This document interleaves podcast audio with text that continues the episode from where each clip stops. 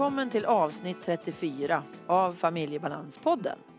I det här avsnittet så är det Agneta Björk som är med och pratar eh, missbruk och MPF. Hon driver ett företag som heter Östgöta Care. Jag som driver podden heter Ann-Katrin Noreliusson och eh, jag arbetar med kognitiv MPF-coaching, föreläser om MPF och handleder personalgrupper. Så gå gärna in på min hemsida familjebalans.se. Där hittar du bland annat min blogg och Familjebalans Facebook-sida. Så vill du boka en föreläsning, utbildningsdag eller bli coachad både enskilt eller i grupp så kan du kontakta mig på 070-518 56 72 eller via min hemsida. Välkommen in till avsnitt 34.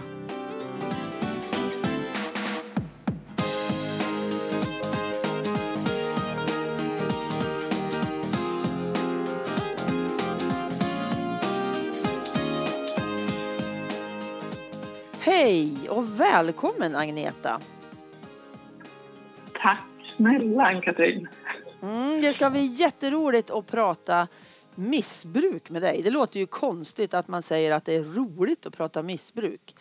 Men för mig är roligt i det här sammanhanget att det är väldigt intressant, väldigt spännande och väldigt viktigt. Att vi pratar om de här. Ständigt. Ja. Och först så skulle jag vilja att du presenterar lite vad du vill säga om dig själv Agneta. Vem är du? Ja, visst, jag heter Agneta Björk och jag kommer ifrån Linköping. Och I min grund så är jag sjuksköterska och har jobbat med det sedan 1985. Mm. Ramlade in på det här med missbruksvård av en hel slump. Eh, jag var väldigt ung när jag blev sjuksköterska så då ville de att eh, skicka runt mig lite grann för att jag skulle få lära mig nya saker. Så då hamnade jag på tillnyktringsenheten, alltså där man tog emot personer som var berusade som kom med polisen eller kom själva. Okay. Så där började min bana i missbruksvård och sen har jag inte slutat.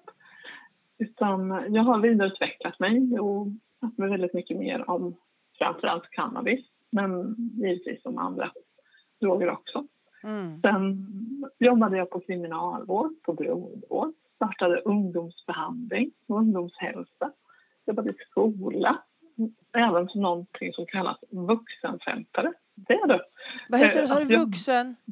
Vuxenfältare, det finns inte. Utan det var ett projekt där jag skulle hitta eh, de som stod utanför arbetsmarknaden, hade ett pågående missbruk, mm. kriminalitet mm. och vad mera.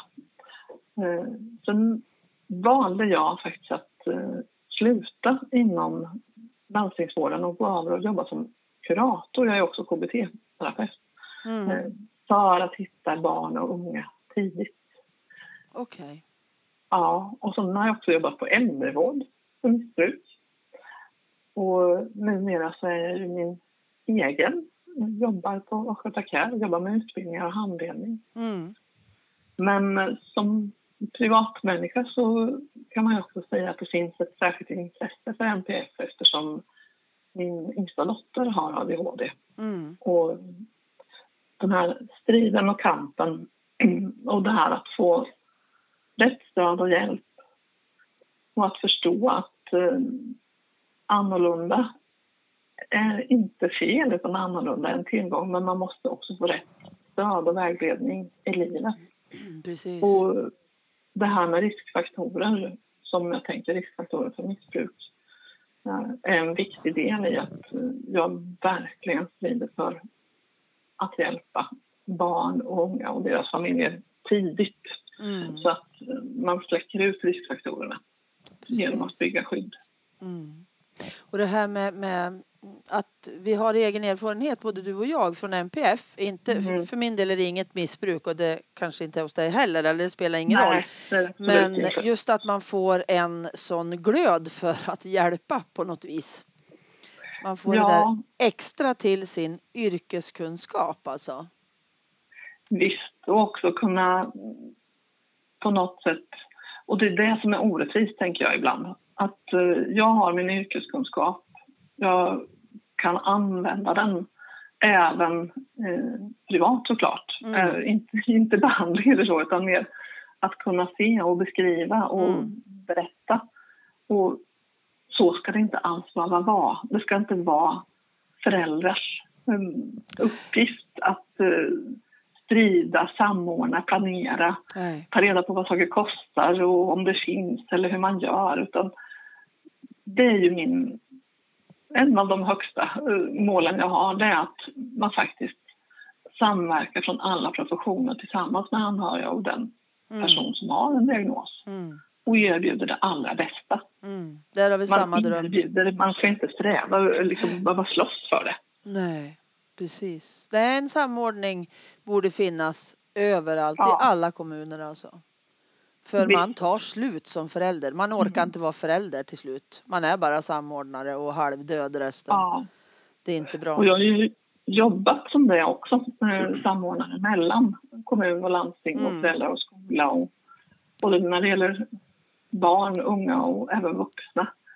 Eftersom jag tänker att mm, jag kan inte allt, kommer aldrig kunna allt, men det finns andra som kan väldigt mycket. Och att man tar tillvara kunskap Mm. som personen själv har och även närstående så att man inte missar det utan man tänker att ja, men, det här vet ju vi för vi jobbar ju med det här. Människor är ju hela människor och hela människor behöver också ett helhetsstöd. Ja. Och det är både barn och unga och föräldrar. ja, men precis. Mm. Ja, det är många föräldrar som tar slut alltså, som är sjukskrivna för att man orkar inte alla delar. Man Nej, orkar liksom inte både en, en jobbig familjesituation, vilket det ofta är när jag har barn med NPF, och eh, sen då all samordning och alla strider jag ska ta. Det tar ju, man tar slut, så är det. Det har jag Ja, gjort. visst. Minst ett tillfälle har jag varit långtidssjukskriven på grund av att jag varit så utmattad av alla delar Ja. liksom. och där har man ju heller inte möjlighet att få rätt stöd, tänker Nej. jag. Det är en del av det som jag jobbar med också. Eh, Jag tycker att det är helheten, det här att kunna se hur återhämtar man sig. Mm, Alltså, mm, både i det väldigt, väldigt lilla mm, men också i, i sitt livspussel. Liksom, var hittar jag det som jag behöver? mm. Hur? Och Precis. hur får jag till det? Så det Ja. är, jag tänker det är lika, lika viktigt det här att stanna upp och alltså, få njuta en liten, liten stund så att jag vet Mm. hur jag hämtar min energi. Lika väl som jag hjälper den personen som har svårt med sin energibalans eh, Mm. på grund av NPF precis. faktiskt. Mm. Ja. Jo, ja, precis. För ibland så var det så för mig då att, jag, att bara stå och stirra eller glo som jag brukar säga på en sten eller få titta in i en liten, liten blomma, Linnea till exempel. Bara stå och stirra i den. För då stängde jag ute allting annat och det handlade kanske om en halv minut. Men det gjorde att jag orkade ta några steg till den dagen. Och ta något annat jobbigt samtal eller något. Det, det, det Ja. är ofta i det lilla man, man börjar få sin återhämtning faktiskt. Visst, att man inte tänker stort alltid. Att, Nej. nej. men vi måste resa bort, vi måste byta jobb. Eller, Nej, utan att precis. det handlar faktiskt om var sitter jag och dricker mitt kaffe? Ja. Vad tittar jag på? Vad lyssnar jag på? Jag Mm. använder jättemycket musik Mm. som återhämtning. Ja. Och det där är ju så olika, men att man hittar sin egen grej. Mm. Det som funkar för just mig. Ja men Och hur jag precis. vill vara också. Ja, ja, ja, precis, precis. Åh, vad intressant. Det här, det här blir ett till poddavsnitt, va? Om återhämtning. Återhämtning. Ja, Ja, exakt. faktiskt. Eh, Jag Jättespännande. ska i veckan gå RSMHs utbildning i återhämtningsinriktat förhållningssätt. Okej. Jag tänker, det ja, jag tänker att eh, jag vill lära mig mer. Ja. Jag slutar ju aldrig vara nyfiken så att, eh, då lär jag mig lite till. Ja, men precis. Ja. Precis. Men vi tar ett varv missbruk och NPF. Första Absolut. tanken, frågan från mig, det är lite hur ser det ut idag i missbruk? Du hade mest erfarenhet från cannabis. Ja. Men missbruk är ju så brett. Det är väl både läkemedel och, och alkohol och ja, andra droger Ja, som absolut. narkotika. Det måste ju vara hur brett som helst. Det är ofantligt brett. Ja, De vanligaste drogerna är ju ändå alkohol och cannabis.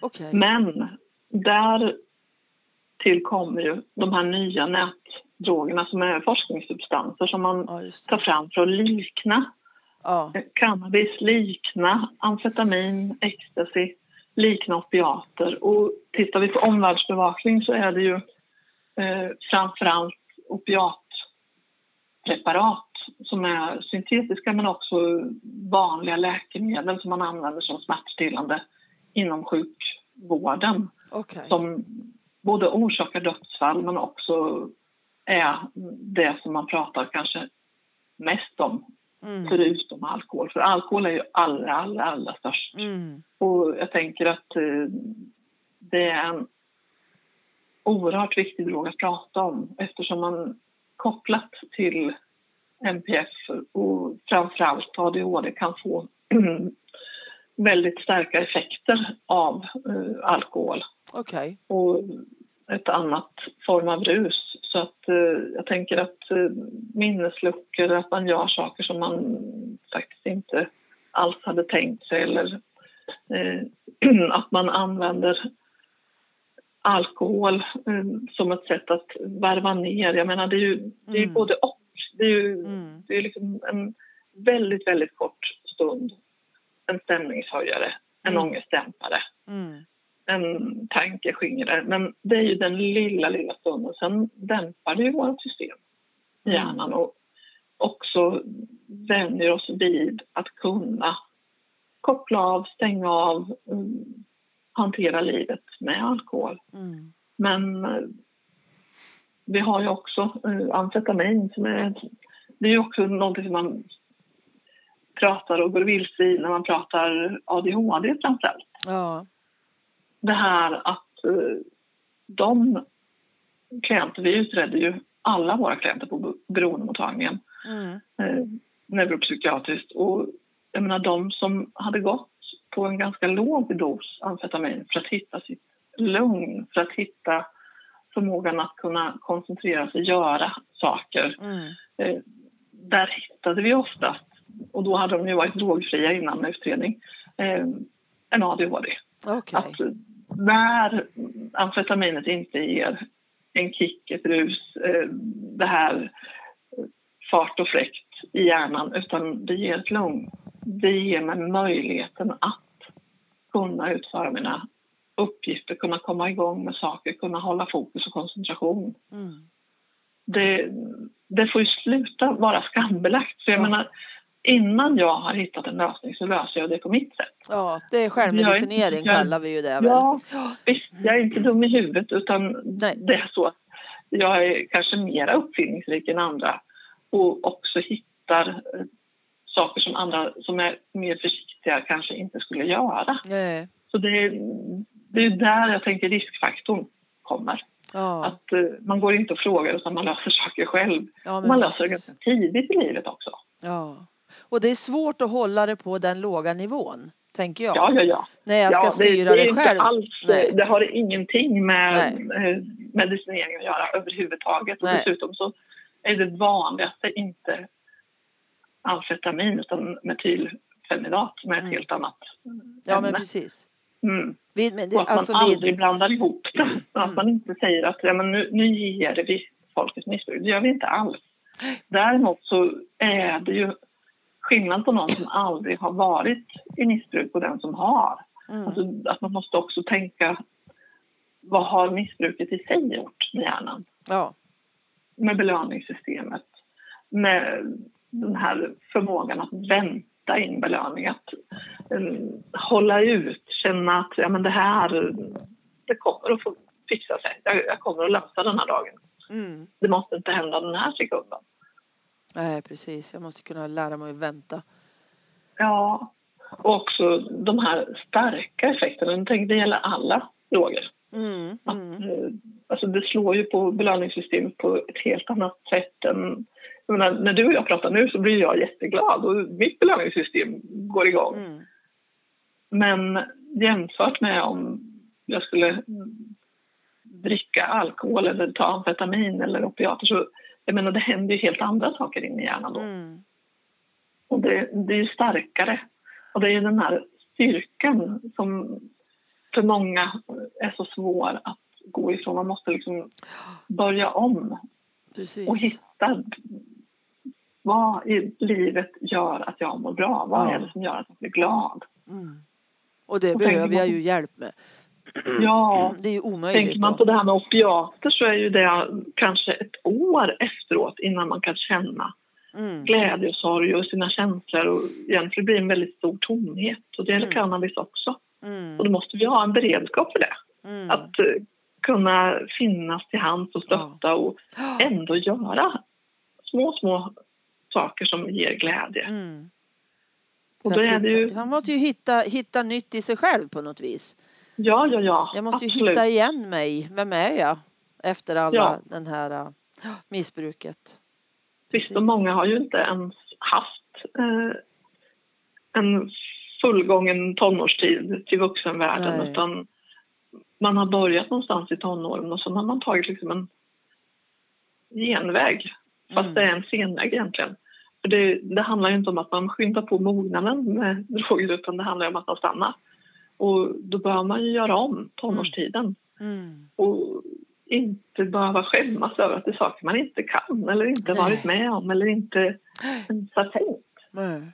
Man måste få plats på något vis att göra det. Hela den, Ja. bygga den biten fast det är mycket senare. Mm.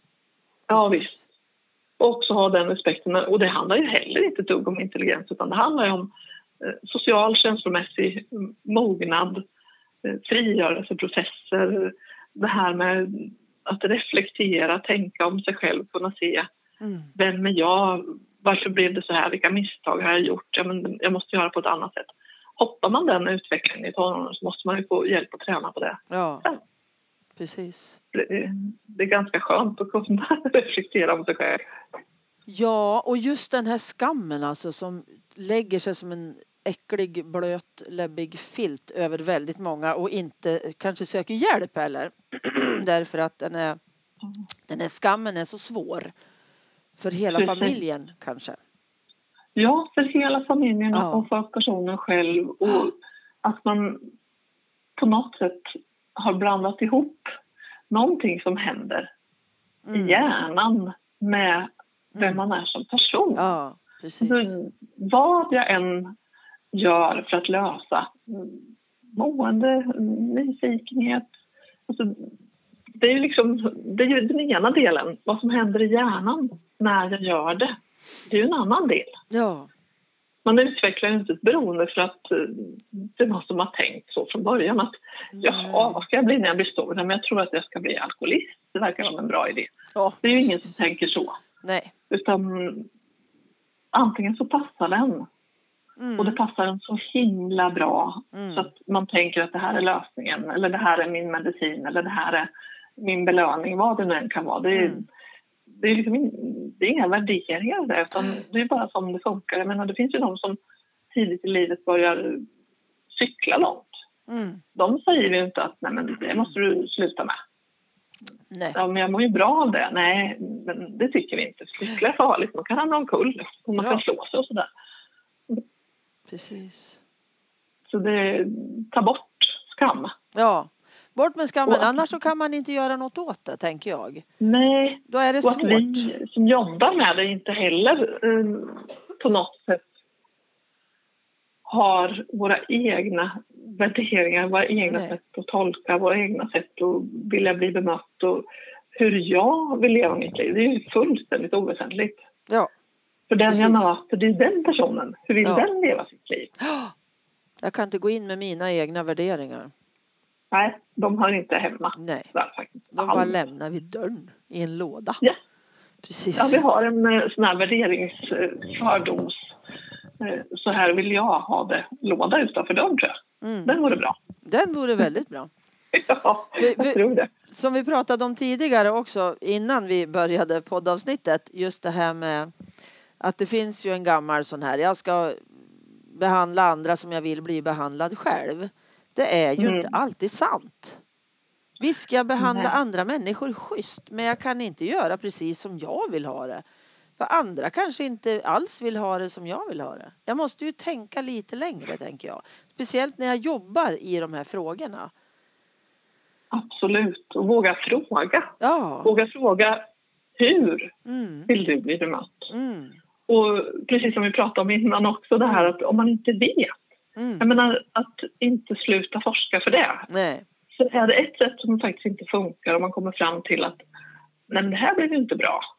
Då får man ju prova nya och också ha den här respekten, tänker jag, när vi pratar MPF, att skapar jag stress hos en annan person så kanske man tappar förmågan att prata, kommunicera tillbaka eller säga stopp. Mm. Och då bör man ju ha andra sätt.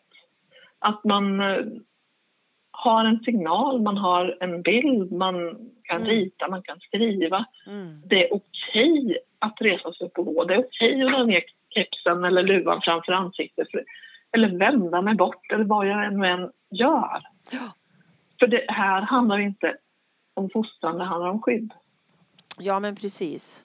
Ja, Och inte ta allting så personligt tänker jag. Om jag är lärare eller läkare eller eh, sköterska eller vad jag är. Det handlar ju inte om, om mig som behandlare utan det handlar ju om den personen just nu. Att det är den som Ja. är viktig. Och behöver den sitta med ryggen emot, ja Mm. då är ju det det som är bäst just nu. För då kanske vi kan kommunicera. Men ska Ja, jag visst. kräva att någon stirrar mig, tittar mig i ögonen då kanske inte den tänker överhuvudtaget. Att nej. Just det här att vi, vi behöver olika saker och det är det som är rättvist. Det är rättvist. Mm. Och det här att våga gå utanför ramen. Ja, att, men eh, precis. Jag, menar, jag har ju haft samtal med stängd dörr Mm. för att skydda för intryck. Jag har haft samtal via dator, via telefon. Mm. Att man sitter vänd åt ett helt annat håll. Ja. Eller att man går. Eller, det är ingenting som är på något sätt eh, konstigt. utan Det är ju vad den personen behöver. Det är inte vad jag behöver. Nej, precis. Jätteviktigt. Jätteviktigt. Ja, Men jag tänker om vi fortsätter lite med, med missbruk så har ju jag en annan fråga och det är det här. Vad är det första jag som anhörig behöver göra? För jag kanske som förälder börjar se någon slags förändring alltså. Men vad ska Mm. jag göra när jag ser den där förändringen? Ska jag konfrontera? Ska jag ringa polisen? Ska jag ringa läkaren? Vad gör jag för någonting? När jag står där och är bara liksom, och vad Ja. fasiken är det nu? Nu händer det något. Men vad? precis. Vad Och där jag? är han ju. Och lita, lita på sig själv. Att eh, man känner sina barn. Att Mm. man vet att nej, det är någonting som är annorlunda. Mm. Och där gäller samma sak, tänker jag, att våga fråga. Det är inte alltid, alltid på något sätt att man får ett svar. Nej. Men det handlar om samma sak där. Att konfrontera eller säga att nu, nu ringer jag polisen eller nu kastar jag ut det eller vad det nu kan vara. Så, jag menar, då skapar ju ett hot Mm. i den andra, i mitt barn. Mm. Och skapar jag ett hot så skapar jag inte någon som helst förutsättning för en kommunikation. För jag vill ju ha mitt barn kvar. Ja. Och där kan jag också behöva som anhörig mm, ta stöd utifrån. Men väldigt sällan, om det inte är en akut påverkan, men man tänker att oj, det här vet jag inte vad det är som händer. Det, mitt barn pratar om helt konstiga saker. Man tänker att det kanske skulle kunna vara en vanföreställning, en psykos som Mm. pågår. Eller man är väldigt påverkad så att man tänker att det här är en fara för hälsan. Då bör man ju faktiskt ta sig till sjukhus Ja. till en eh, beroendeakut eller en akutmottagning. Ja. Men annars så tänker jag att ta hjälp att hitta lugn. För att det här att trycka upp någon mot väggen och säga att nu, nu fattar jag att du håller på med något. Ja. Då skapar man ju, jag menar den här lilla människan vet ju redan att jag kommer att göra mina föräldrar jätteledsen. Ja. Eh, Man skäms, man har dolt hur det har varit. Det man behöver hitta det är ju varför. Mm. Varför då då? Mm. Vad fyller det för funktion? För, Mm. för många, det var ju en av de största anledningarna tror jag till att jag valde att jobba med riktigt små barn och eh, lågstadie, mellanstadie barn för att hitta vad Mm. Behöver vi hitta tidigt i livet för att man faktiskt ska kliva in i ett missbruk. Det, det är ingen garanti, det är ingen vaccin men man har mycket större förutsättningar om man får rätt stöd och hjälp väldigt tidigt i livet. Och nästan alla som jag har träffat har ju haft en dag. Alltså de kan säga i vilken sekund Okej. de fattar ett beslut att gå åt ett annat håll.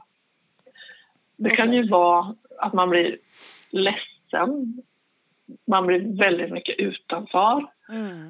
att man känner sig dum för att man inte kan i skolan, man är inget bra, man är också nyfiken, man kan tycka att saker är roligt, men Mm. man kan också vara väldigt, väldigt ledsen och Mm. ångestfylld. Mm. Och det finns ju droger som kompenserar för alla de här funktionerna men det hjälper inte ett svack. Det gör ju inte skillnaden. Men när man är ung så letar man ju också snabba lösningar. För man har inte konsekvenstänk. Man har inte en hjärna som tänker att ja, men om jag gör så här så blir det ju inte bra för mig. Mm. Utan man är ju bara nyfiken Ja. eller snabb. Och har man då en, en impulskontrollstörning så, så är man ju kanske ännu snabbare. ja, men precis. Och att man inte kan reflektera över sig själv, det, det är fullständigt naturligt.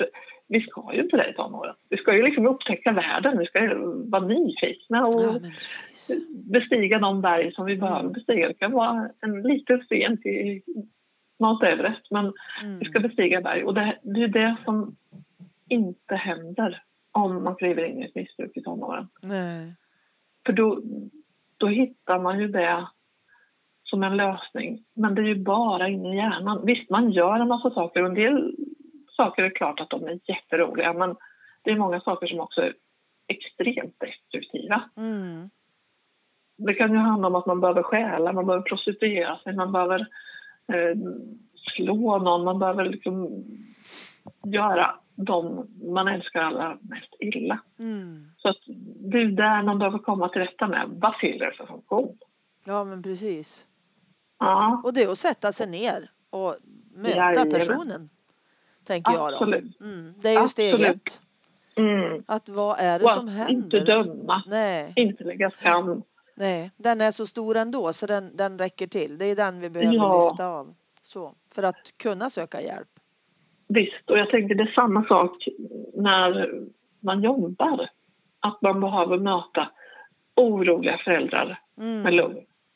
Och befria dem också från skam. För det är inte för att man är en dålig förälder eh, som ett barn hamnar i missbruk. Nej. Utan mm, man hamnar i missbruk därför att man gör det.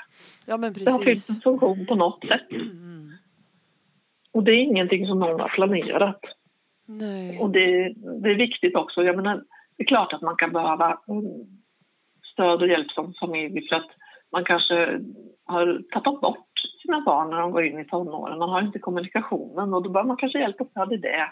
Eller Ja, annars precis. är det någonting psykiatriskt, neuropsykiatriskt eller annars är det att man är ensam och mobbad eller att man har svårt i skolan eller Mm. Mm, att man är den som vill mest och först och snabbast någonting. Och så har man inte hittat sin grej utan Nej. det här med droger är min grej. Eller Ja, brott precis. eller vad det kan vara. Precis, det passerade kanske i närheten. Och det är det som gör att vissa hamnar där, tänker jag. Att jag har, det är lätt att få Ja. tag i det också idag. Så. Ja, visst. Det står inte då, det- den som presenterar en för en drog första gången. Antingen så kanske man är berusad eller annars är det berusningen som är den första Mm. eh, steget in. Det är ingen som säger att ja, men, om du fortsätter med det här vet du, om tio år så kanske du inte blir pilot som du hade tänkt eller du kanske inte kan åka jorden runt för du kommer inte minnas vad som händer och sådär. Det, det är ingen som säger utan det här det är en lösning. Ja, men Såklart. precis. Och det är Ja. inte för att man är elak utan det är för att man tänker så. Ja, precis. Ja, man behöver liksom inte lägga någon värdering i det heller tänker jag. Nej, det är väldigt mycket som vore bättre om vi inte värderade så förbaskat mycket hela tiden, tänker jag. Ja, Många, många Alltså- saker skulle vara enklare om vi hoppade de här värderingarna. Ja, för det gör man ju inte annars. Jag menar, Nej. tänk att eh, om man tänker eh, beroende av droger, vilket det nu än är, som en Mm. hjärnsjukdom, Mm. Så, så tänker man ju om man skulle få en annan sjukdom. Jag menar Mm. diabetes, då behöver man ju också hitta nya livsval för att må bra Mm. på riktigt. Mm. det går ju inte bara att säga att nej, men ge mig medicin så, så löser sig allt, för det gör det ju inte. Nej. Jag måste ju tänka på hur jag rör mig, hur jag äter, hur jag sover, hur jag Mm. stressar. Och jag tänker det är samma sak när det gäller missbruk. Jag behöver tänka på hela mig som Ja. människa. Ja, precis. Och också vad är det för kompensation jag använder det till. Ja. Och det tänker jag framförallt när det gäller neuropsykiatri. Mm, mm. Att det, det kan vara ett smörjmedel för att kunna umgås i sociala sammanhang. Det kan vara ett sätt att lugna ner, det kan vara ett sätt att höja stämningsläge, sänka Ja. stämningsläge. Det, det finns ju alla varianter men det är fortfarande ju kemiskt. Det Mm. händer bara i hjärnan, det händer liksom inte i mellanmänskligheten eller i mig själv. Det har inte med mognad att göra att använda droger utan det, det har ju med att lösa saker Mm, mm. faktiskt. Så det, ja, intressant. Ja, mycket intressant. Ja. Men, men, men om jag nu då som förälder har börjat förstå och jag Ja. sätter mig ner och pratar och vi kommer någonstans till att ja men min ungdom är ganska trygg med mig och ja men vi måste Mm. gå vidare. Vart vänder jag mig då? När det gäller unga människor upp till runt 25 år så finns det i de flesta delar av landet eh, man kallar det inte för beroendemottagningar men eh, mini-Maria eller ungdomsmottagningar där man jobbar Okej. särskilt med missbruk. Ja. Ungdomshälsa finns eh, på ganska många ställen i landet också. Mm. Och att man går till en specialiserad mottagning eller tar kontakt med. Mm. Man och- kan googla kanske på missbruk och Ja. sin stad eller något Absolut. för att kanske absolut. hitta då vart det är jag ska vända mig på min ort. Ja, precis. Och det finns på 1177. Det finns ju på kommunens det. hemsida också. Ja, just det. Så att man tar eh, tillfället i akt att gå in och söka på, på just sin kommun eller Ja. sitt landsting, region så att man hittar rätt. Och där är det också, jag som har jobbat så himla länge inom Ja. en sån mottagningsvärld tänker att alltså, det jag vill det är att man ska förstå processen innan man lyfter luren. Den är ju lång, Ja. oftast. För att det handlar ju också om att ska jag våga söka hjälp? Ska jag våga be om hjälp? Kommer någon att lyssna på mig om jag ringer? Ja. Så att vi som jobbar i det här tar varje samtal som att åh, äntligen ringer du. Ja. Då ska vi finnas här för dig. Mm. Så att det är tydligt att man är välkommen, Mm. att vi har alternativ. Vi löser inte någonting åt någon, vi löser saker tillsammans. Ja, precis. Åh, vad viktigt. Ja, och att det finns väldigt mycket bra metoder för att jobba just med unga och missbruk. Mm. Det finns eh, sätt att tänka, sätt att jobba. Och det är jätteviktigt. Men det som är allra viktigast är ju mötet. Mm. Ja, att jag känner att någon lyssnar Mm. till mig. Ja, och att man har ett nyfiket Ja, intresse ja. men också kan visa sin kunskap.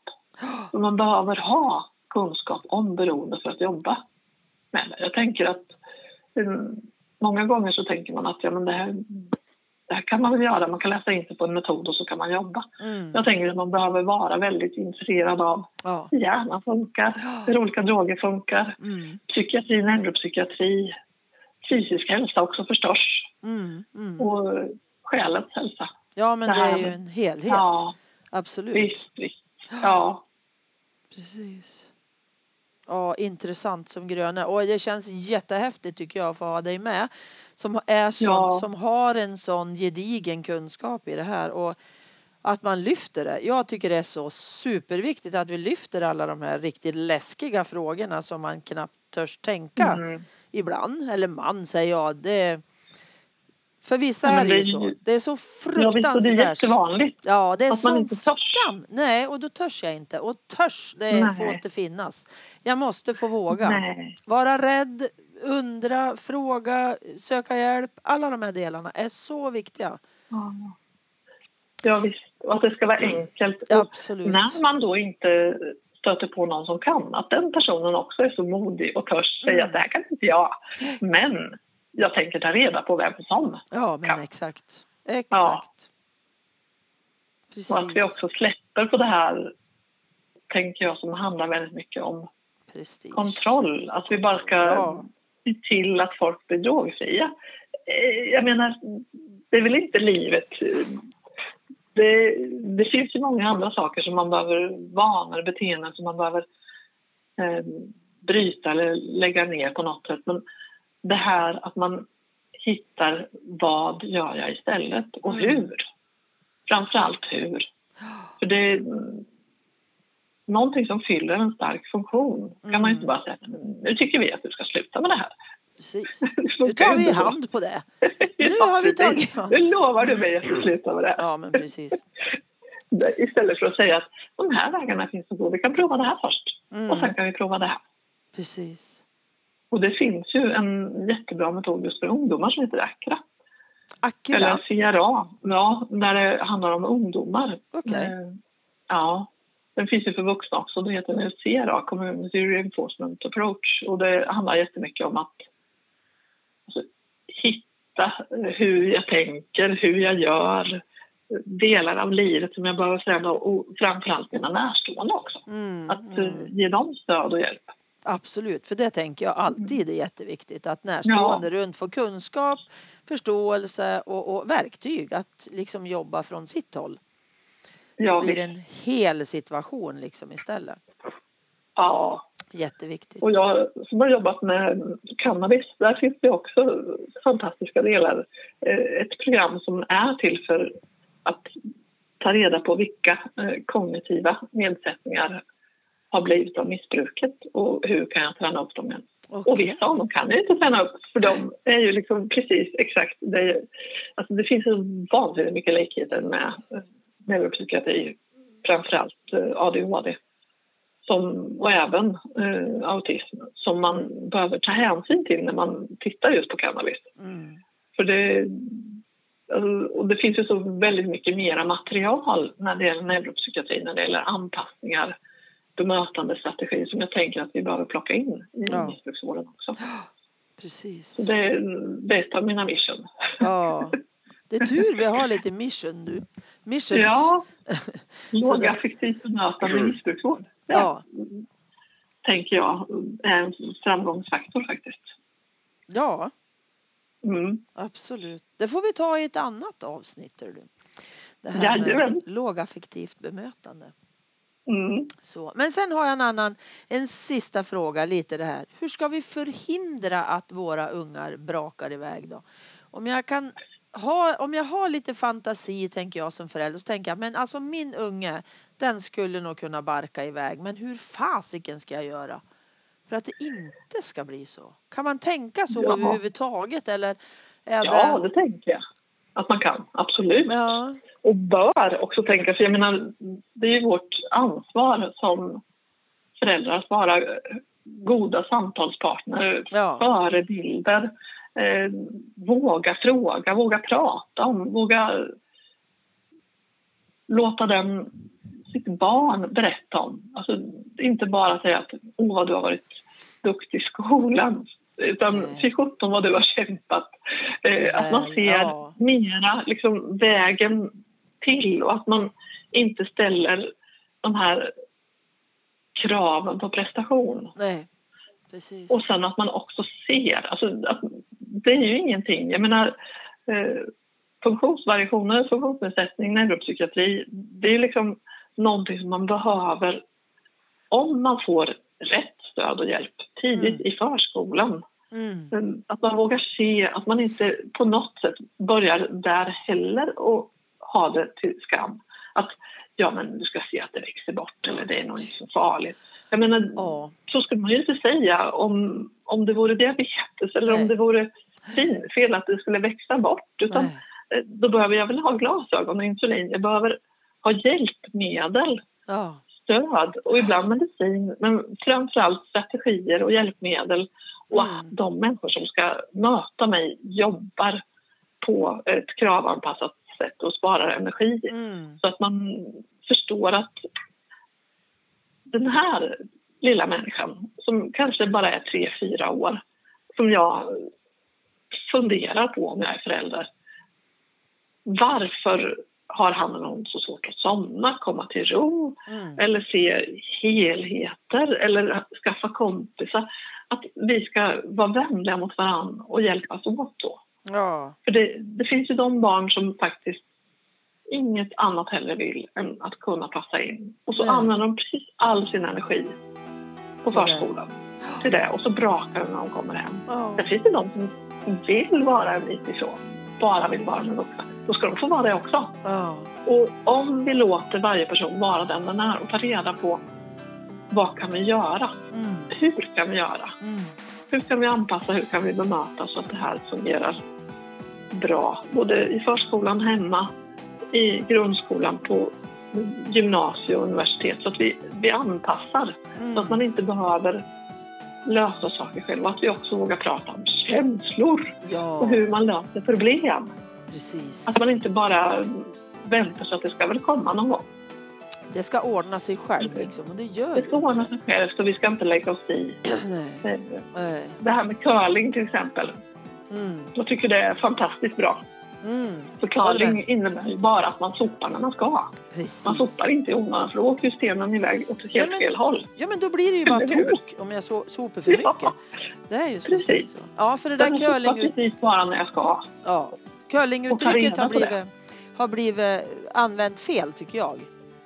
Ja, det tycker jag också. Och att man inte ser vad som blir det bästa Nej. för barn. Så man finnas där, att våga finnas där. Sen finns det ju aldrig någon garanti, men om vi gör allt vad vi kan Ja. så tidigt som möjligt och också samverka.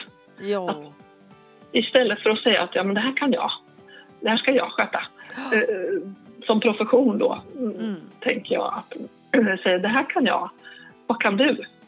Vad kan vi göra tillsammans? Ja. Det är dubbelt så starkt. Ja men absolut. Absolut. Åh vad mycket viktiga bra saker du har sagt Agneta. Åh jag skulle Ja. kunna prata hela dagen med dig känner jag. Ja, det är fantastiskt att få prata så här, alltså, det Ja. är det. Så det. roligt. Det ger energi på riktigt. Ja det känner jag också. Ja. Och jag Mm. älskar att få ha de här bra samtalen. Det tycker jag är jättekul. ja. Så- Vilken start på veckan. Ja, precis. Yes, man ska alltid längta till måndag.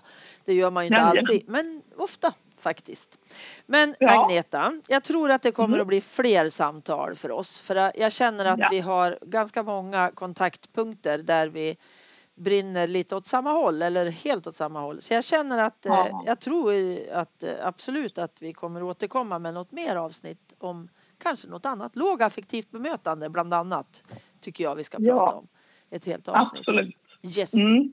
Men tusen Åh, tack för idag Agneta. Tack så jättemycket själv. Så eh, avslutar vi här och återkommer en annan dag. Tycker Ja. jag. Jättebra. Tack så mycket. Tack ska du ha. Hej då. Ja, hej då. Hej.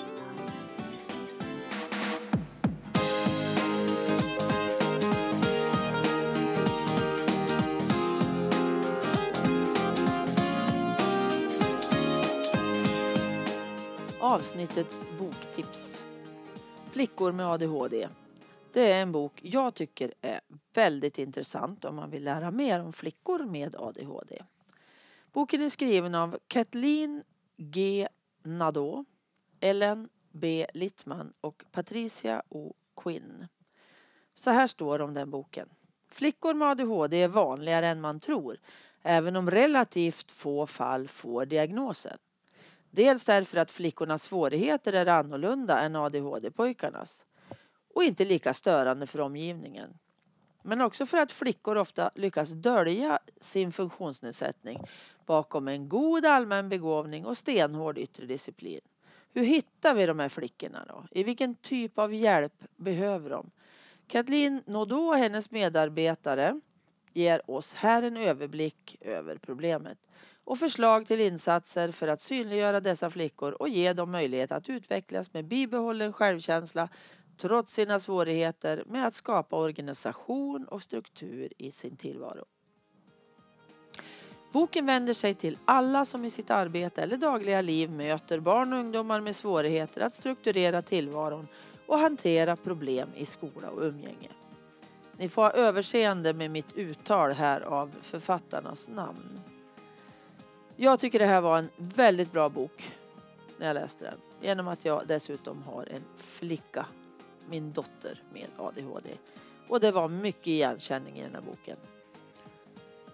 Tack till dig som lyssnat.